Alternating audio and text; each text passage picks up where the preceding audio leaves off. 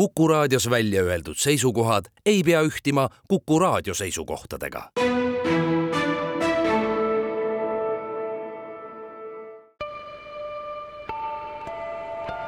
ilmaparandaja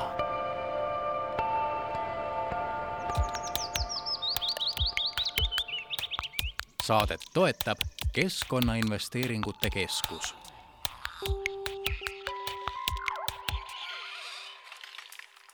tere, head Kuku raadio kuulajad, kell on mõni minut kaks läbi, on laupäeva pärastlõuna ja eetris on selle nädala ilmaparandaja saade. mina olen saatejuht Mart Valner ja alustame oma saadet Eesti Loodusmuuseumist, kus on üleval näitus Uustulnukad Eesti meres lähme uurime, kes need uustulnukad Eesti meres siis on. me oleme nüüd äh, jõudnud Loodusmuuseumisse, kus on selline näitus nagu Uustulnukad Eesti meres üleval. Äh, see, alustame kohe ära sellest, et tegemist ei ole mitte ainult näitusega ja näituse piltidega siin, vaid see nende uustulnukatega on ka üks täiesti raamat äh, välja tulnud, mille jaoks pildid on tehtud. aga tegemist siis pildinäitusega Eestis, Eesti meredes leiduvatest võõrliikidest. mul ongi hea meel, et selle näituse kuraator Lennart Lennuk on äh, minuga.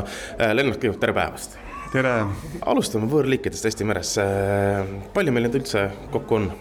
no see jah, näitust tehes ma, mul ei olnud endal ka ülevaadet ja selle iga näituse juures ongi hästi hea, et saab endale ka kokkuvõtteid teha. ja tuleb välja, et neid võõrliike algusest saadik on meil kokku siis üle kolmekümne tervelt ja, ja ilmselt tuleb juurde mm. -hmm. kui me korra räägime võõrliikidest, siis äh, mis hetkest alates me hakkame otsustama seda, et äh, mingisugune liik on võõrliik, sest et nagu me teame, ega siin noh, mandrid liiguvad ja, ja kõike muud, eks ole, et äh, liigid, loomad kaovad, liiguvad ja tulevad äh, läbi ajaloo ikkagi palju, mis hetkest me anname võõrliigid, mis hetkest me ütleme, et nad ongi, ongi alati nii-öelda siin olnud?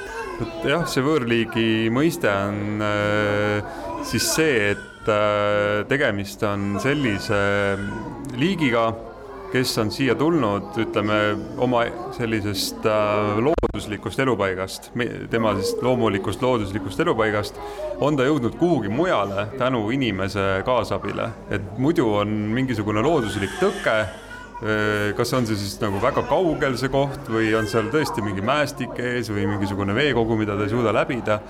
et mingisugune looduslik tõke, mida ta ilma inimese abita ei suudaks läbida. näiteks kui me toome šaakali, kes on selline hästi kuulus ja tekitab paljudes segadust, et kas siis tegu on võõrliigiga või mitte, siis šaakali puhul ei ole tegu võõrliigiga, et tema on tulnud omal jalal siia ja, ja lihtsalt äh, jah, selles mõttes nii-öelda looduslikult levinud siia mm, -hmm. aga kui me nüüd räägime merest, ähm, siis meres on äh, üks, ütleme, niisugused vanemad liigid, kes on tulnud tõesti kaheksateistkümnendal sajandil või enne seda juba ja on siis selline tegelane nagu liiva uurikarp mm, -hmm. kes on selline piklik, selline karp, äh, küllaltki suureks kasvab ta, no ütleme no ikkagi üle mitme sentimeetri meie oludes ja tema puhul on siis see, et ta toodi sisse ilmselt kuskil kuusteist sajand juba viikingite poolt Taani väinadesse ja sealt on ta siis nagu ise kuidagi edasi juba mööda Läänemerd igale poole laiali läinud. Ja kui teda rannas kohata, siis pahatihti ei mõtlegi temast enam kui võõrliigist.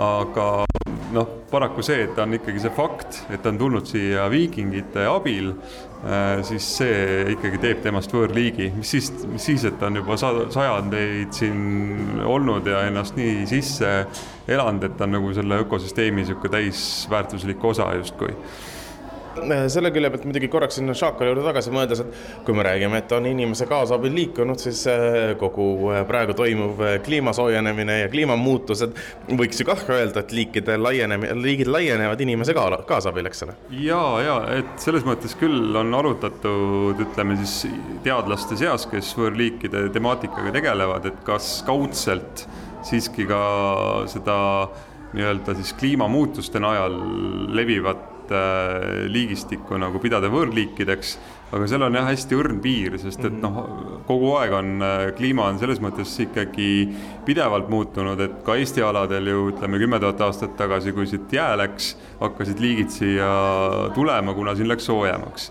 et, et kust maalt nüüd läheb see inim nii-öelda mõju ja kust maalt siis see tegelik nagu loomulik mõju ja noh, kliimamuutuste puhul loomulikult on ju teaduslikult ka ära tõestatud, et tegu on inimese poolt mõjutatud muutustega tänapäeval. nii et kaudselt, hästi kaudselt justkui võiks äh, kõiki neid äh, nii-öelda siis äh, liike, kes on siis tulnud siia tänu sellele, et, et nende jaoks on see kliimaolud nagu paremaks läinud või kuidagi mhm. sobivamaks läinud, siis hästi kaudselt võiks neid justkui võõrliikideks pidada aga see tänapäevane definitsioon seda hetkel ikkagi ei käsitle niimoodi, et ütleme siis jah, et selline võib-olla hästi laias definitsioonis noh, võiks neid pidada võõrliikideks mm. -hmm. aga jah, tänapäeval ütleme teadusmaailmas pigem, pigem neid eristatakse ikkagi nii et me pigem ikkagi räägime, noh, klassikaline selline äh, laeva, laevadega kaasa sõitvad liigid, kes siis äh, lastakse sadamasse äh, reeglina juhuslikult välja ja kui veab, siis jääb mingi asurkond püsima ja nii edasi ja nii edasi. jah, mere, mere kontekstis jah, põhiliselt ongi sellised laevad, äh, laevatokid, äh, ühesõnaga esemed, mis siis ühest kohast teise liiguvad ja kuhu saavad ennast kas siis külge haakida või siis äh, laevade puhul näiteks veepaakidesse minna, minna siis need võõrliigid ja reisida siis juba kuhu iganes. ja no üldiselt on reegel see, et, et üks kümnendik nendest jääb äh, ellu selles nii-öelda teekonnal ja ka uutes oludes ja sellest omakorda üks kümnendik siis jääb ka nagu, suudab siin tõesti nagu hakkama saada, et ta jääb, ta sa, suudab saada järglasi, talle sobivad need olud siin nii et noh, põhimõtteliselt võiks öelda, et sajast liigist eh, siis üks nii-öelda on see, kes on potentsiaalne võõrliik, aga, aga noh, siin on tõesti nii palju mõjureid, et, et, et kindlasti alati nagu igast sajast liigist iga see, see üks nii-öelda alati välja ei tule nii selgelt mm. -hmm aga neid tuleb ikka kogu aeg juurde, ma vaatan, kui me vaatame seda teie näituse ähm, avaajagraafikut, siis äh, tegelikult äh, viimased võõrliigid on tulnud kaks tuhat üheksateist, kaks tuhat kakskümmend, kaks tuhat kakskümmend üks, kaks tuhat kakskümmend kaks. et äh, pidevalt kogu aeg tuleb, tuleb juurde, võib-olla me siin praegu, mm, meie teeme intervjuud ja samal ajal keegi laseb Tallinki laeva pealt uue võõrliigi samal ajal sadamasse. jah, niimoodi võib tõesti olla. kuigi räägitakse ka sellest, et see teadlikkus võõrliikidest sellest on kõvasti tõusnud eh, ja on ka nii-öelda aina paremaid meetodeid leitud, kuidas selle teemaga toime tulla, eh, siis võiks öelda, et, et lootust on, et see võõrliikide sissetulek pigem eh, nii-öelda see hoo-, see hoog nagu läheb pigem maha praegu, et, et see, ütleme siis tipppunkt on nagu justkui ära olnud siin ütleme, et tuligi peaaegu et igal aastal võõrliik sisse ja nüüd edaspidi võiks loota et, et see natukene pidurdub, see värk. ja no üks näide lihtsalt on see, et, et kuidas siis suured tankrid, kes võtavad tonne-tonne vett sisse ühe korraga võõras sadamas, sellega koos ka siis kõiki liike, kes vees hõljuvad ja tegelikult ka põhjasetest tulevaid liike, sest et see turbulents, mis seal tekib vee sissevõtul, toob ka põhjast igasugu loomi üles ja ka kalu isegi. et siis Äh, on äh, siis tehtud selline reegel, et, et seda vett, ballastvett vahetatakse enne kuskil, enne sadamasse jõudmist kuskil ütleme kaugemal välja. nii et need liigid ikkagi uude kohta ei satuks ja see on kindlasti üks asi, mis on aidanud, aga noh, siin on ka palju teisi, teisi selliseid äh, meetodeid ja kokkuleppeid mm, -hmm. mis siis aitavad tõesti seda võõrliikide levikut natukene ikkagi maha tõmmata mm. -hmm no võrdliikide puhul ma vaatan ka, ega me ei räägi peamiselt äh, suurtest äh, kaladest ja delfiinid ei ole veel meie siia asurkonda äh, rajama jõudnud, aga ikkagi suhteliselt niisugused väikesed karbid äh,, krabilised, krevetilised ja nii edasi. jah, pigem, pigem küll jah, et selliseid ikkagi päris suuri tegelasi tuleb harva ja, ja noh, siis on, siis on jah ju niisugune tavaliselt ka see äh, inimeste nagu huvi väga palju suurem ja, ja noh, ütleme jah, kui me räägime väikestest, eh, siis pigem see väga paljud liigid on tundmatud. Eh, ütleme siis sellisele inimesele, kes tõesti ei, ei ütle, ei tegele selle teemaga, ei, ei süvene sellesse nii palju ja noh, loomulikult ei ole ka aega ju kõigesse süveneda. et temale jäävad siis sageli need pisikesed tegelased märkamata kuid see ei tähenda, et nad oleks nagu vähem olulised meie keskkonna mõju mõttes. Et, et väikene mingisugune tegelane võib äh, lõpuks selle süsteemi siin päris hästi nii-öelda äh, siis noh, päris kõvasti mõjutada seda süsteemi äh, läbi toiduahelate ja, ja toidu, toiduvõrgustiku et selles mõttes jah, tasub, tasub nende kohta natukene rohkem uurida ja lugeda ja teada ja ma arvan, et see näitus on ka üks väga hea selline koht, mis selle lünga täidab mm. -hmm. et ja, ja ka see, et äh, see näitus annab võimaluse siis näha neid pisikesi, keda tõesti silmagagi isegi ei märka, et ta on nii, ta on nii pisikene, et ta on niisugune nõela ütleme, nööpnõela peast ka veel väiksem, et, et, et selliste puhul aitabki nii-öelda selline näitus, kus nad on siis ilusti joonistatud ja, ja nähtavaks toodud mm. -hmm. ja need joonistused on ka sinu enda tehtud, eks ole? Ja, ja et ütleme, bioloogina hästi põnev jällegi selline viis, kuidas liike õppida. Et, et oma siis pliiatsi otsaga läbi tunnetada looma morfoloogia, ütleme, kus tal mingid karvakesed asuvad, mis kujuga tal ikkagi see eh, tagakeha on ja et, et hästi nagu hästi põnev oli teha seda, et, et, äh, et kindlasti äh, ma usun, et nii mõnelgi teisel erialal joonistamisoskus tuleb kasuks, et, et nii-öelda seda mingit uut tasandit endale mm -hmm. tekitada ja noh, liigi tundmises on see kohe väga palju abiks olnud ilmaparandaja.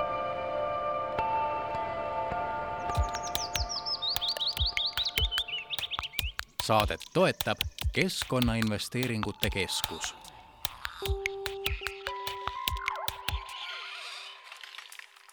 Jätkame ilmaparandaja saadet ja jätkame seda Eesti Loodusmuuseumi näituselt Uustulnukad Eesti meres koos minuga on näituse kuraator Lennart Lennuk. ma saan aru ikkagi jah, suured suur,, alates pikasabalisest konksikust ja nii edasi, need on tegelikult loomad, mis ei ole nii suured, kui nad siin seina peal on. Äh, just nimelt, et me oleme ka pannud äh, need päris loomad siia seina peale välja, et pikasabalise konksiku puhul äh, tuleb tõesti kasutada suurendusklaasi ja isegi siis äh, noh mm -hmm., tuleb pingutada, et midagi, midagi näha. Äh, kui sa nüüd vaatad, siis ta on seal päris keskel ja, ja noh, tegu on siis sellise planktiilise, ütleme, loomhõljumi osaga, vesikirp mm, -hmm. vesikirbuliste alla kuulub ta ja võib-olla siis selle planktoni üks selliseid kurja, kurja kuulutavamaid tegelasi. Kuigi, kuigi jah, selles mõttes ei saa alati nagu võõrliikidest rääkida kui halbadest tegelatest, sest et noh, nende enda süüs ei ole kuidagi, et nad siia on sattunud mm. -hmm. Nemad lihtsalt püüavad äh, kõigest väest hakkama saada, ükskõik mis oludesse neid ka siis pannakse.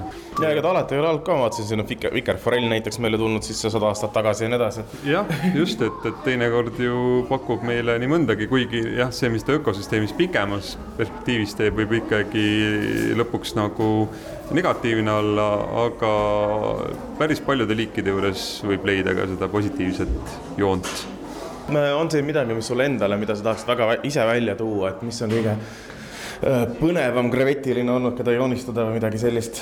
Äh, joonistamise mõttes, kui sa jah, krevettidest nüüd hakkasid rääkima, siis tõepoolest see elegantne krevett, no jah, kui mõnda pilti sai tehtud siin niimoodi võib-olla pool päeva ja, ja ei vajanudki väga mikroskoobi abi, siis eh, selle elegantse krevetiga oli küll kõvasti tegemist, et kõik need jäsemed ja asjad peale saada ja oli, oli taaskord hästi põnev avastada, eh, kui erineva kujuga need jalakesed on ja mis siis mõelda selle peale, et mis ta nendega siis teeb seal vee all, et millega ta toitub, millega ta puhastab ennast kuidas ta seal äh, siis mingit toitu hakib või, või kivi pealt näiteks vetikaid koorib, et mm. -hmm et neid tegelasi iseenesest suvel, kui randa minna hästi selge veega ja rahuliku ilmaga, siis kivide äärtes, niimoodi kivide peal tegutsemas võib neid täitsa näha. Nad on küll läbipaistvad, aga neil on ikkagi sellised sinised käpaotsakesed ja, ja natukene värvi ka eriti sellel elegantsel krevetil, et, et ta on niisugune täitsa kreveti mõõtu, ütleme niisuguse mm -hmm. ma, ma vaatan ka, et äh, siin on ju väljas üks olemas äh,. Äh, ei ole üldse oluliselt väiksem kui see, mida siit mõnikord sügavkülmas poes osta saab, et. seesama liik, elegantne krevett on ka tööstuslikult täiesti kasvatatav, et, et krevetikasvatustes sedasama liiki kasutatakse ja, ja meil on tegelikult ka endal Eestil olemas oma krevetiliigid, kes on siis olnud juba algade, aegade algusest saadik siin ja samamoodi, et, et lihtsalt kuidagi tundub, et äh, ilmselt siis on lihtsam ikkagi seda kala kätte saada ja, ja mitte krevette püüda, et, et kuigi jah, kui nüüd rannas käia, ütleme kahvaga, mis on siis selline liblika võrgu moodi natukene, aga mm, -hmm. aga metallist raamiga selline merebioloogi tööriist, et siis selle kahvaga nagu tõmmata kuskilt kivi pealt, siis seal äh, sellisel kreveti ajal võib saada päris mitukümmend krevetti sinna sisse. küll siukseid pisik, pisemaid, et suuremaid satub võib-olla paar tükki. aga ma ütleks, et jah, mingi poole tunniga saaks võib-olla sellise ähm, snäki saaks küll kätte, just. nii et miks mitte. rannakaluritele mõtteks nii, ja miks see on elegantne, miks just see krevett on elegantne? no kui teda võrrelda selle, ütleme siis meie kohaliku Läänemere krevetiga, siis ta on oluliselt värvikirevam. et tal on sinised käpaotsad, tal on sellised punased pruunika täpid, eh, mis siis tekitavad talle kehale mustri. nii et eh, ja ta on niisugune läbipaistev ka, et võib-olla ka see nagu loob seda elegantsust talle. Eh, ja ega ta tegelikult ei ole nagu eestlaste välja mõeldud see nimi, vaid see nimi on täiesti siis ka seal ladinakeelses teaduslikus nimes. et ju siis, kui keegi ta kunagi kirjeldas äh,, elegants pani talle siis liigi mhm. nimeks, et siis talle jättis see krevett sellise elegantse mulje väga hea, no aga vaatame edasi. aga vot siin äh, harilik rändkraabi äh, on, äh, on võib-olla üks siukseid tuntumaid võõrliike, et, et tegu on siis sellise ütleme noh, paari sentimeetrise, ütleme niisuguse väikse sõrme, kui lapse väike sõrm võtta, et siis sellise pikkusega krabi. ja ta on äh, meil siis Pärnu lahes igal pool juba ennast ilusti sisse seadnud ning selles mõttes väga põnev liik, et, ähm, et sellist nagu alaliselt elavat krabi meil ei olegi varem looduses olnud, et meil vahest küll satub siia ka Hiina villkäppkrabi, kes on äh, ikka sihuke suur, sihuke ütleme, et noh, täiskasvanud mehe käelaba mõõtu. et aga nemad ei suuda jällegi siin paljuneda, aga siis jah, rändkrabi on see, kes on tõesti üsna arvukaks äh, suutnud ennast juba äh, ajada ja, ja seal Pärnu lahes tundub, et talle väga meeldib et ta sealt niipea ei lahku nii tekib järgmine küsimus, see vist on liiga väikene, et küsida seda küsimust, et miks meil Eestis krabitööstust ei ole veel. Jah, kuigi kusjuures ma uurisin, et äh, rändkrabi, sedasama liiki noh, Hiinas ja seal ütleme Aasia maades ju leitakse ikkagi äh, kõikvõimalikke asju, mida süüa. Et isegi meduuse süüakse. Äh, sedasama meriristi ka, mis meil siin on, süüakse seal et, et siis ka tegelikult sedasama rändkrabi on toiduks kasutatud, aga mulle tundub, et pigem nagu sellise maitseandjana, et, et mm -hmm. puljongit näiteks võiks tast keeta mm. -hmm. et, et, ähm, et mitte jah, seda liha on temas ikkagi natuke liiga vähe, et seda vaeva näha aga ütleme, noh, et kui rääkida ikkagi mitte ainult inimesest, et ka meie kohalikest lindudest rannas, kes tegutsevad, siis siis äh, kindlasti osad on äh, juba tema söömisega ära õppinud ja, või siis alles avastamas seda. nii et äh, mingis mõttes need võõrliigid võivad ka mingit sellist uut toidubaasi tekitada mm. -hmm. kuigi noh, probleem on ka selles, et nad ise söövad kah, eks ole. ja, ja söövad palju, kusjuures, et et rändkrabi ja, ja ka ümarmudil, kes sealsamas elab, siis nemad söövad just karpe ja karbid on sellise funktsiooniga meil meres, et nad puhastavad seda merevett, nad äh, söövad ära siis äh, sellist äh, ütleme, hõljuvat taimset või ka vetika, vetikat, mis siis endasse omakorda võtab kõik need fosfori ja lämmastikku, mis põllumajandusest ja mujalt äh, siis üleliigsena natukene sinna Läänemere satuvad. nii et tegelikult nende karpide funktsioon on hästi tähtis, aga kui nüüd äh, rändkrabi ja ümarmudil nad nahka panevad, et siis see vee kvaliteet äh, lõppkokkuvõttes võib kõvasti langeda. no siis on jah. tõruvähk, mis ei näe üldse välja nagu vähk ei näe küll, et ja meie oleme harjunud siis nägema, kui me kuskil rann, rannikul liigume või ka sadamates näiteks, siis igasuguste puustruktuuride või kivide küljes kaide küljes on siis siuksed väiksed valged, valges kollakad mügarikud ja teinekord ujudes võib ka põlve nende otsa päris valusalt ära kriimustada. et tegu on siis tõruvähiga ja tõesti esialgu tundub, et mis mõttes vähk, et ta on ju kivi küljes mingisugune mügarik täiesti seisab paigal mm -hmm. ja tõesti väga huvitav tegelane, nimelt seal karbi sees ikkagi elabki üks vähilaadne tegelane kellel on siis niisugune hästi laiade eh, ripsmetega niisugune kombits, millega ta siis sealt endale toitu püüab. ütleme siis meri on see koht, kus loom saab lubada endale seda, et vot siia kivi külge ma nüüd terve elu elama jään, sest et toit liigub ise ringi mm -hmm. seal et, et ütleme jah, et maismaal sellist kinnitavat eluviisi loomariigis väga ei kohta mm. -hmm, mm -hmm. et eh, magavale vähile võib küll toitise suhu joosta, jah just, just, just aga jah, et võib-olla mida veel Tõnuväist rääkida, siis tema sellised vastsed staadiumid on äh, hõljuvad ja neid on lausa mitu tükki, et ta läbib niisuguse väga huvitava moondejärgu, et esialgu näeb ta niisugune veits niisugune sarvikuline välja, hästi pisikene, siis ta muutub niisuguseks nagu karbi moodi rohkem, et tal on kaks poolmet, mille vahel see vähilaadne elab ja lõpuks ta siis juba hakkab öö, omama sellist seda, seda vormi, mida me oleme mhm. harjunud nägema mm -hmm. ranna, rannaaladel mm. -hmm. no ja siin on ka näha siis, ma saan aru, et üks kivi, kus on väga palju neid vähikesi küljes olnud, jah? ja, ja siin põhimõtteliselt võib isegi niimoodi õrnalt, õrnalt teda katsuda ja, ja vaadata ja lähemalt tutvuda temaga mm. -hmm. Nii et äh, näha, kui suur ta tegelikult on ja mismoodi ta elab. jah, ei ole väga suur, võin juba kuulajatele öelda.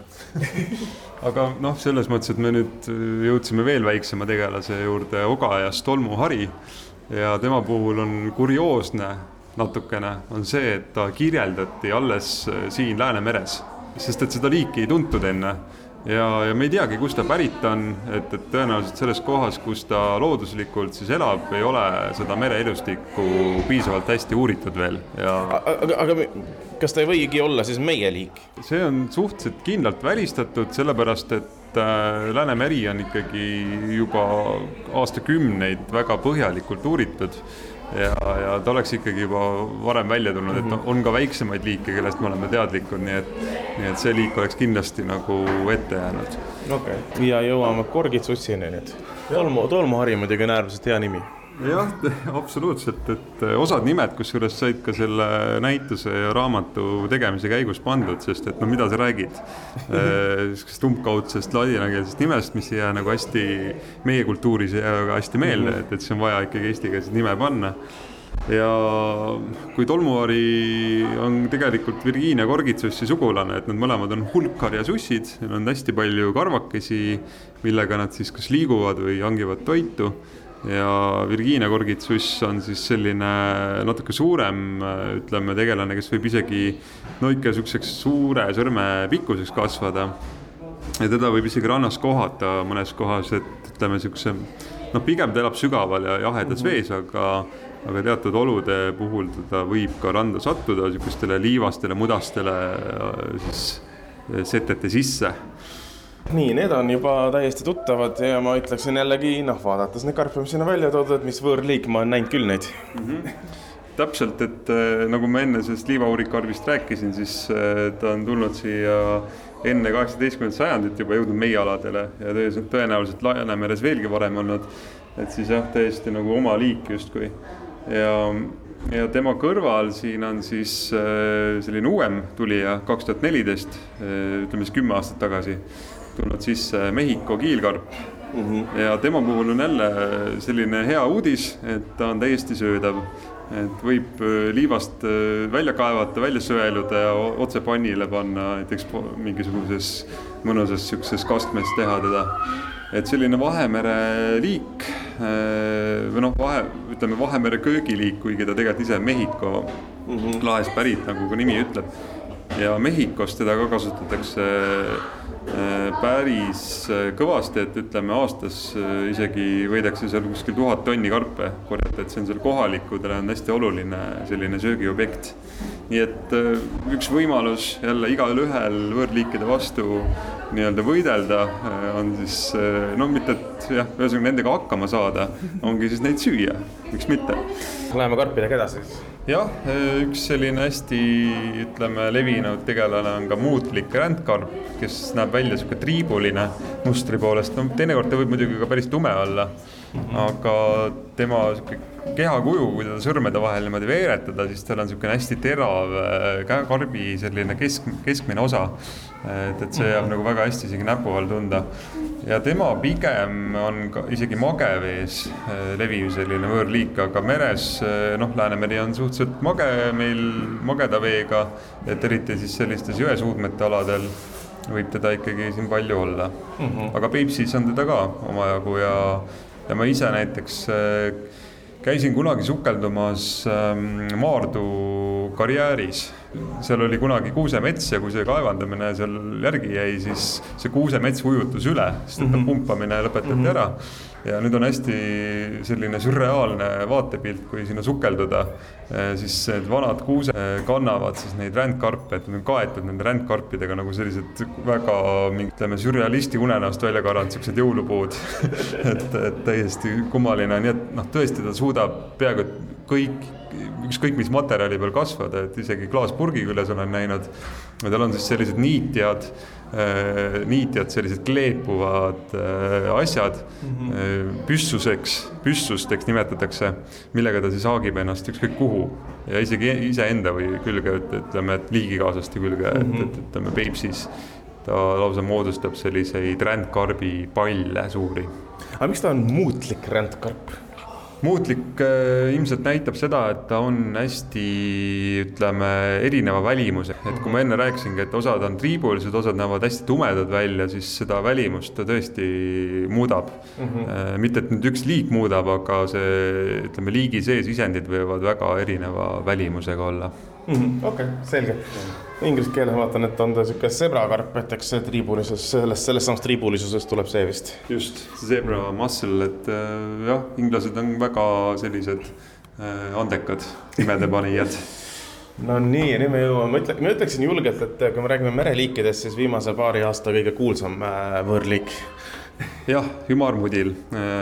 maitsesin ka ise ära eelmine aasta esimest korda sellist nagu päris nagu värsket kala et muidu ma olen teda mingites erinevates vormides küll saanud, aga, aga kusjuures oli väga raske leida, et tänu siis sellele, et üks kolleeg, kes teeb teaduspüüki kaladega, eh, temale võrku neid eh, jääb pidevalt ja, ja teadsin tema käest ka küsida siis eh, no ütleme, puhastusprotsess oli niisugune natuke aegavõttev, ma ei ole ka kõige osavam kalapuhastaja võib-olla, aga mis siis lõpuks tulemus oli täiesti üllatav, nagu tõesti väga-väga-väga maitsev kala.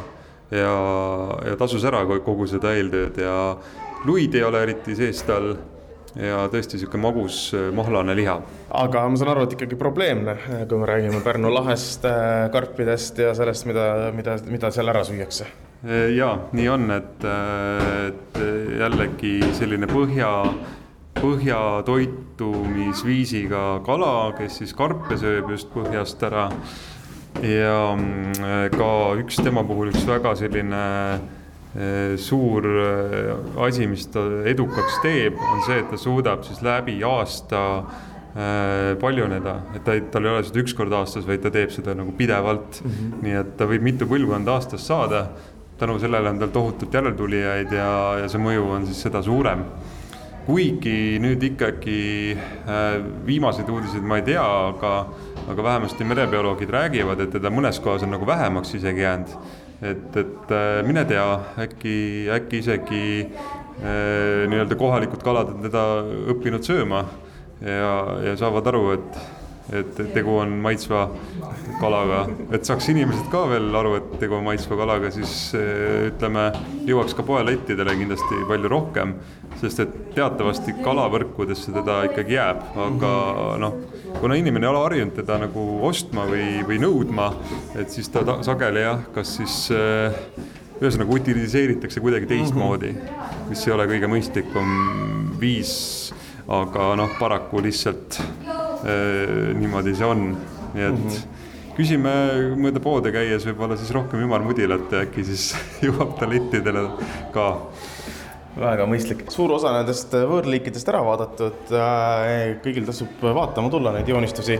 kaua saab tulla ja kõik need muud traditsioonilised küsimused ka?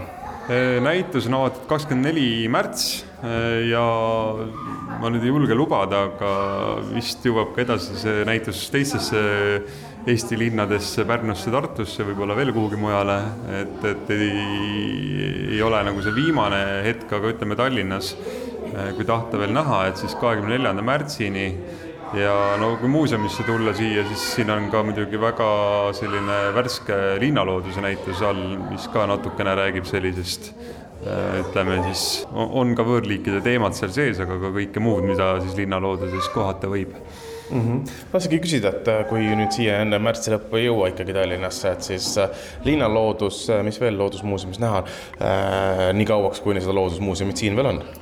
jah, tõepoolest, meil tuleb varsti ka uus ma-, uus loodusmuuseum, uus maja. Aga jah, paar aastat ikkagi veel saab siin käia. Ja meil on näha, on siis ka, kui me niimoodi mereteemast nagu sujuvalt edasi lähme, siis on olemas selline elamusnäitus nagu Tuur Maria unenägu, et, et külast, kui külaline meile tuleb, siis ta satub sellise unenäolise maailma sisse ja saab tegelikult seekaudu, ütleme niimoodi seal on, saab nagu omajagu naerda, aga saab ka siis teada väga palju selle kohta, et kuidas me merele saaks olla parem, paremad niimoodi sõbrad. ja siis ütleme sellist ikkagi klassikalist Eesti loodust on äh, palju, et, et selliseid metsa sügavustes elavaid liike, keda on muidu võib-olla väga keeruline näha äh, kohtab siin, noh, näe, see konstellatsioon on siin hoopis muu, et, et näeb neid kõiki korraga ja saab lähedalt uurida et siis esi, ütleme, kolmandal korrusel on jah, niisugune metsa, metsa ja, ja selline ekspositsioon ja teisel korrusel saab siis Eesti soodega tutvuda, mis on selline värskem natukene väljapanek ehk siis äh, kellel aega vähegi tulla, siis äh, võib kasvõi kogu perega ja Eesti Loodusmuuseum ootab Lennart Lennart, aitäh sulle selle mõnusa jutuajamise eest ja ilusate piltide. aitäh. ilmaparandaja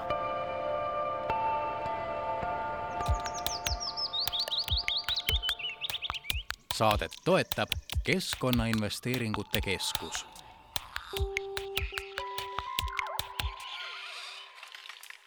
nüüd aga läheme oma juttudega teise loodusmuuseumisse, nimelt Tartu Ülikooli loodusmuuseumisse. Tartu Ülikooli äh, loodusmuuseumi äh, Rukkiräägu rubriigis äh, saame seekord kuulata aasta tegijatest. aasta puust, aasta orhideest, aasta samblast. Stuudios on Tartu Ülikooli botaanikaaia vanemaaednik Sten Mander ja botaanikaaia loodushariduse spetsialist Margit Hirv ning nendega räägib Carlota Põdra.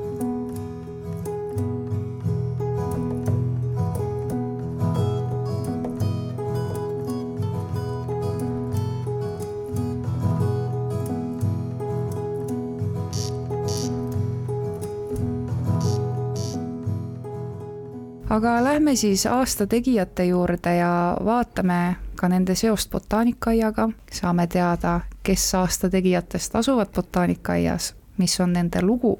alustame aastapuust, tammest. Margit, mis sa oskad meile öelda tammepuust? selle aasta puuks on ju valitud harilik tamm ta oli aastapuu ka tuhande üheksasaja üheksakümne kaheksandal aastal.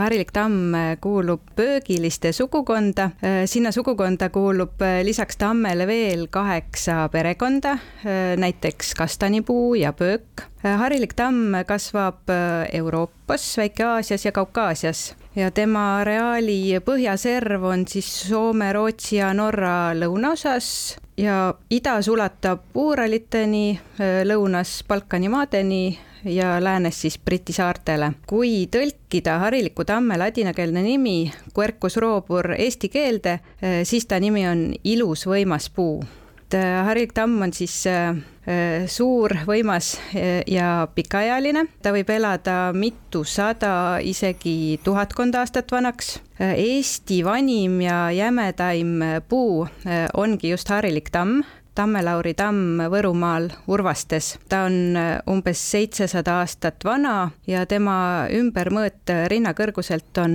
kaheksa koma seitse meetrit. aga maailma jämedaim harilik tamm on siis rinnakõrguselt ümbermõõduga viisteist meetrit ja see kasvab Lõuna-Rootsis. aga maailma kõige kõrgem harilik tamm kasvab Prantsusmaal ja tema on nelikümmend neli meetrit kõrge kui Eesti kõige kõrgem on kolmkümmend kuus ja pool meetrit. ja maailma vanimad harilikud tammed äh, on siis äh, Bulgaarias äh, tamm, kes on üle tuhande kuuesaja aasta vanune ja Leedus on tamm, kes on umbes tuhat viissada aastat vana aga tamme perekonnas äh, on ligikaudu viissada liiki ja kui veel rekorditest äh, rääkida, siis äh, tamme perekonnas maailma kõige kõrgem tamm on olnud valge tamm, Quercus alba. Ameerikas Lääne-Virgiinias kasvas kunagi puu, kes oli kuuskümmend üks meetrit kõrge. tamm on oluline ka sümboolikas. tamme oksad on kujutatud Eesti suurel riigivapil, tamme leht on looduskaitse sümbol, tamm on Eestis kõige tavalisem perekonnanimi, et Eestis on üle viie tuhande inimese, kelle perekonnanimi on Tamm.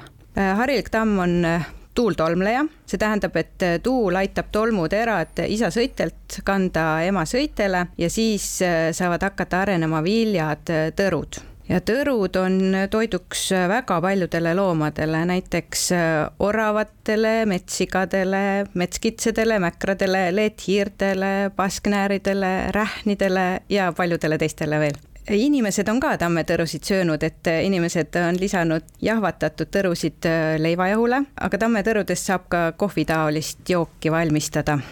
enne mainisin, et tamme perekonnas on umbes viissada liiki enim tammeliike on Põhja-Ameerikas ja Hiinas. Euroopas kasvab kakskümmend liiki tammesid ja Eestis kasvab looduslikult ainult harilik tamm paljusid äh, teisi tammeliike on meile sisse toodud äh, ilutaimedena ja pargitaimedena. Neist tuntum on punane tamm, Quercus rubra, kelle lehed värvuvad sügisel punaseks. aga Tartu Ülikooli botaanikaaias saab näha üksteist erinevat liiki tammesid ja kui me lisame veel sinna varieteedid ja sordid, et äh, siis näeb Tartu Ülikooli botaanikaaias kakskümmend üks erinevat tamme, sorti, liiki, varieteeti ma mainisin, et kes kõiki neid tamme tõrusid söövad, aga tammega on seotud veel väga palju liike. tammed elavad sümbioosis kandseentega, tamme juurtega on seotud näiteks kivipuravikud, aga ka trühvlid ja väga paljudele putukatele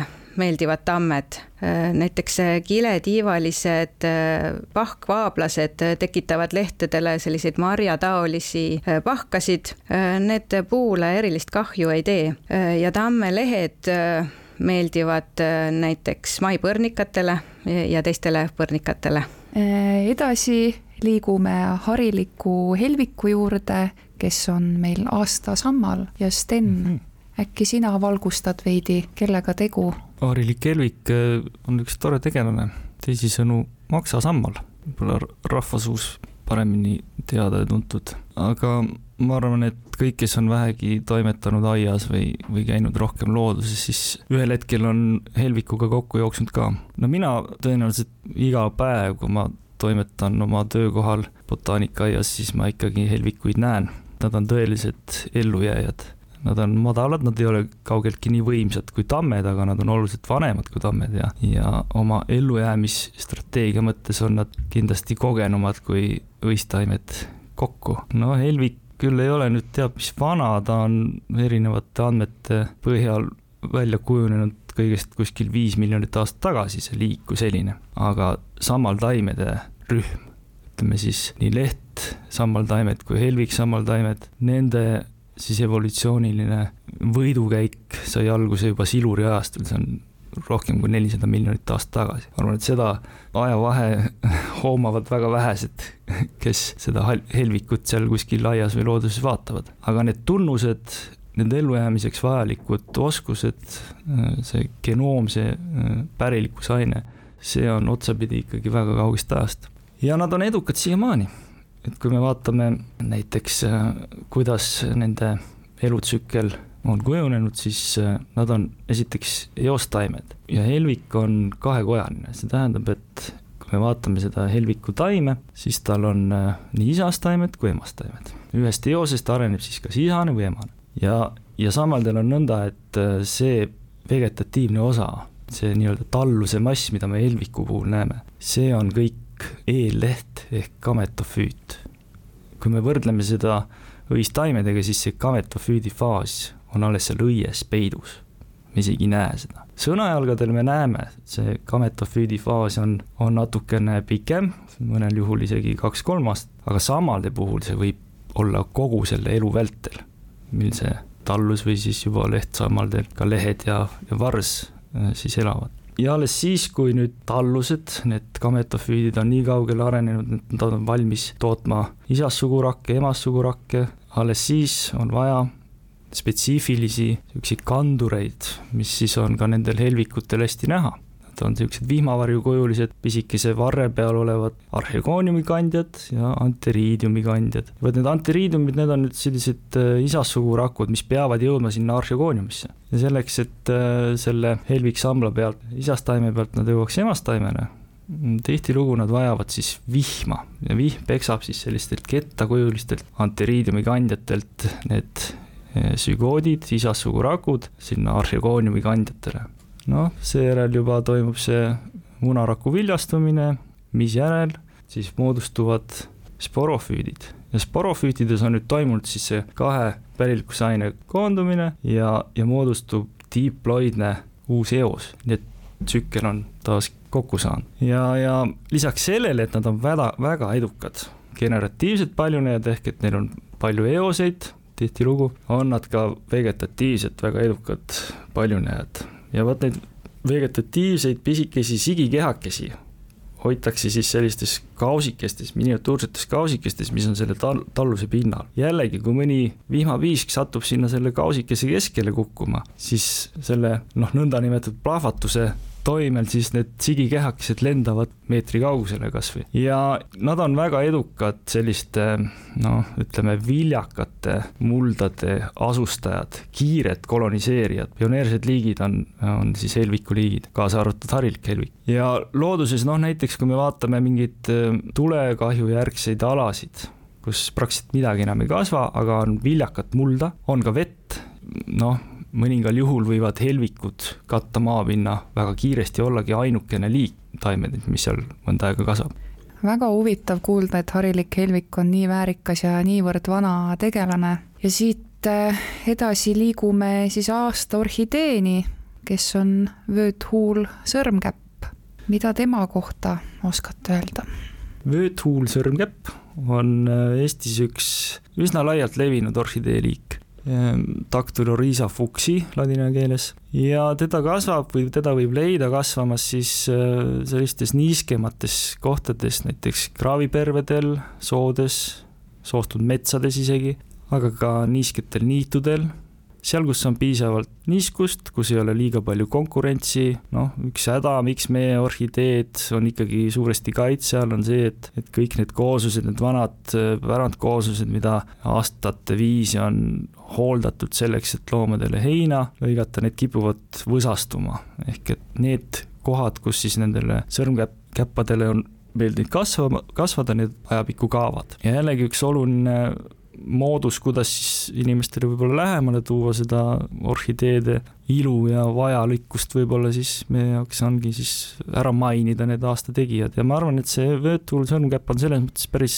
tore valik, et ta on küll üsna lihtsasti äratuntav, aga ta võib segi minna päris mitme teise sõrmkäpaga. ehk et äh, üks tunnus on tal muidugi see, et äh, tema õied on kirjud aga selliseid kirjusid õisi on orhideede hulgas päris paljudel. see kirju huul on nüüd äh, kolmehõlmaline, see keskmine hõlm on tugevalt terav, ta on tugevalt äh, lõhestunud, isegi kuni poole huule ulatuses teinekord. Ja vöötulm sõrmkäppade kõige alumine leht on siis äraspidi muna niisugune mõlakujuline võib-olla siis natukene ja temale väga sarnane liik, kuradi sõrmkäpp, on selline kellel siis need tunnused on natuke teistsugused, see leht ei ole sedasi, sellise kujuga pigem süstjam ja huul ei ole nii sügavalt lõhestunud. ja noh, võib-olla üks oluline minu jaoks võib-olla oli niisugune huvitav fakt, mida ma seda liiki uurides äh, sain teada, on see, et neid tolmeldavad põhiliselt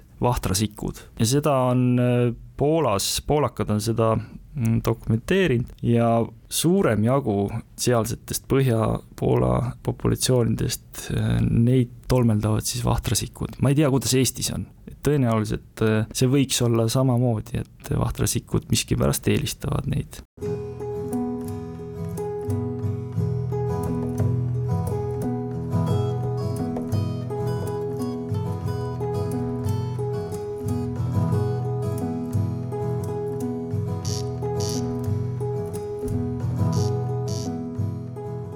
Selline oligi selle nädala ilmaparandaja saade, ärge siis unustage mööda Eesti Loodusmuuseumit käia, sest põnevaid asju on seal kõikjal näha, lisaks ka kui kellelgi tekkis orhideede vastu huvi, siis esimesest kümnenda märtsini on Tartu Ülikooli botaanikaaias orhideede näitus.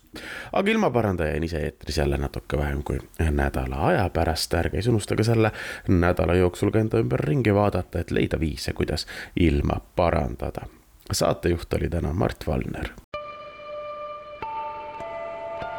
ilmaparandaja.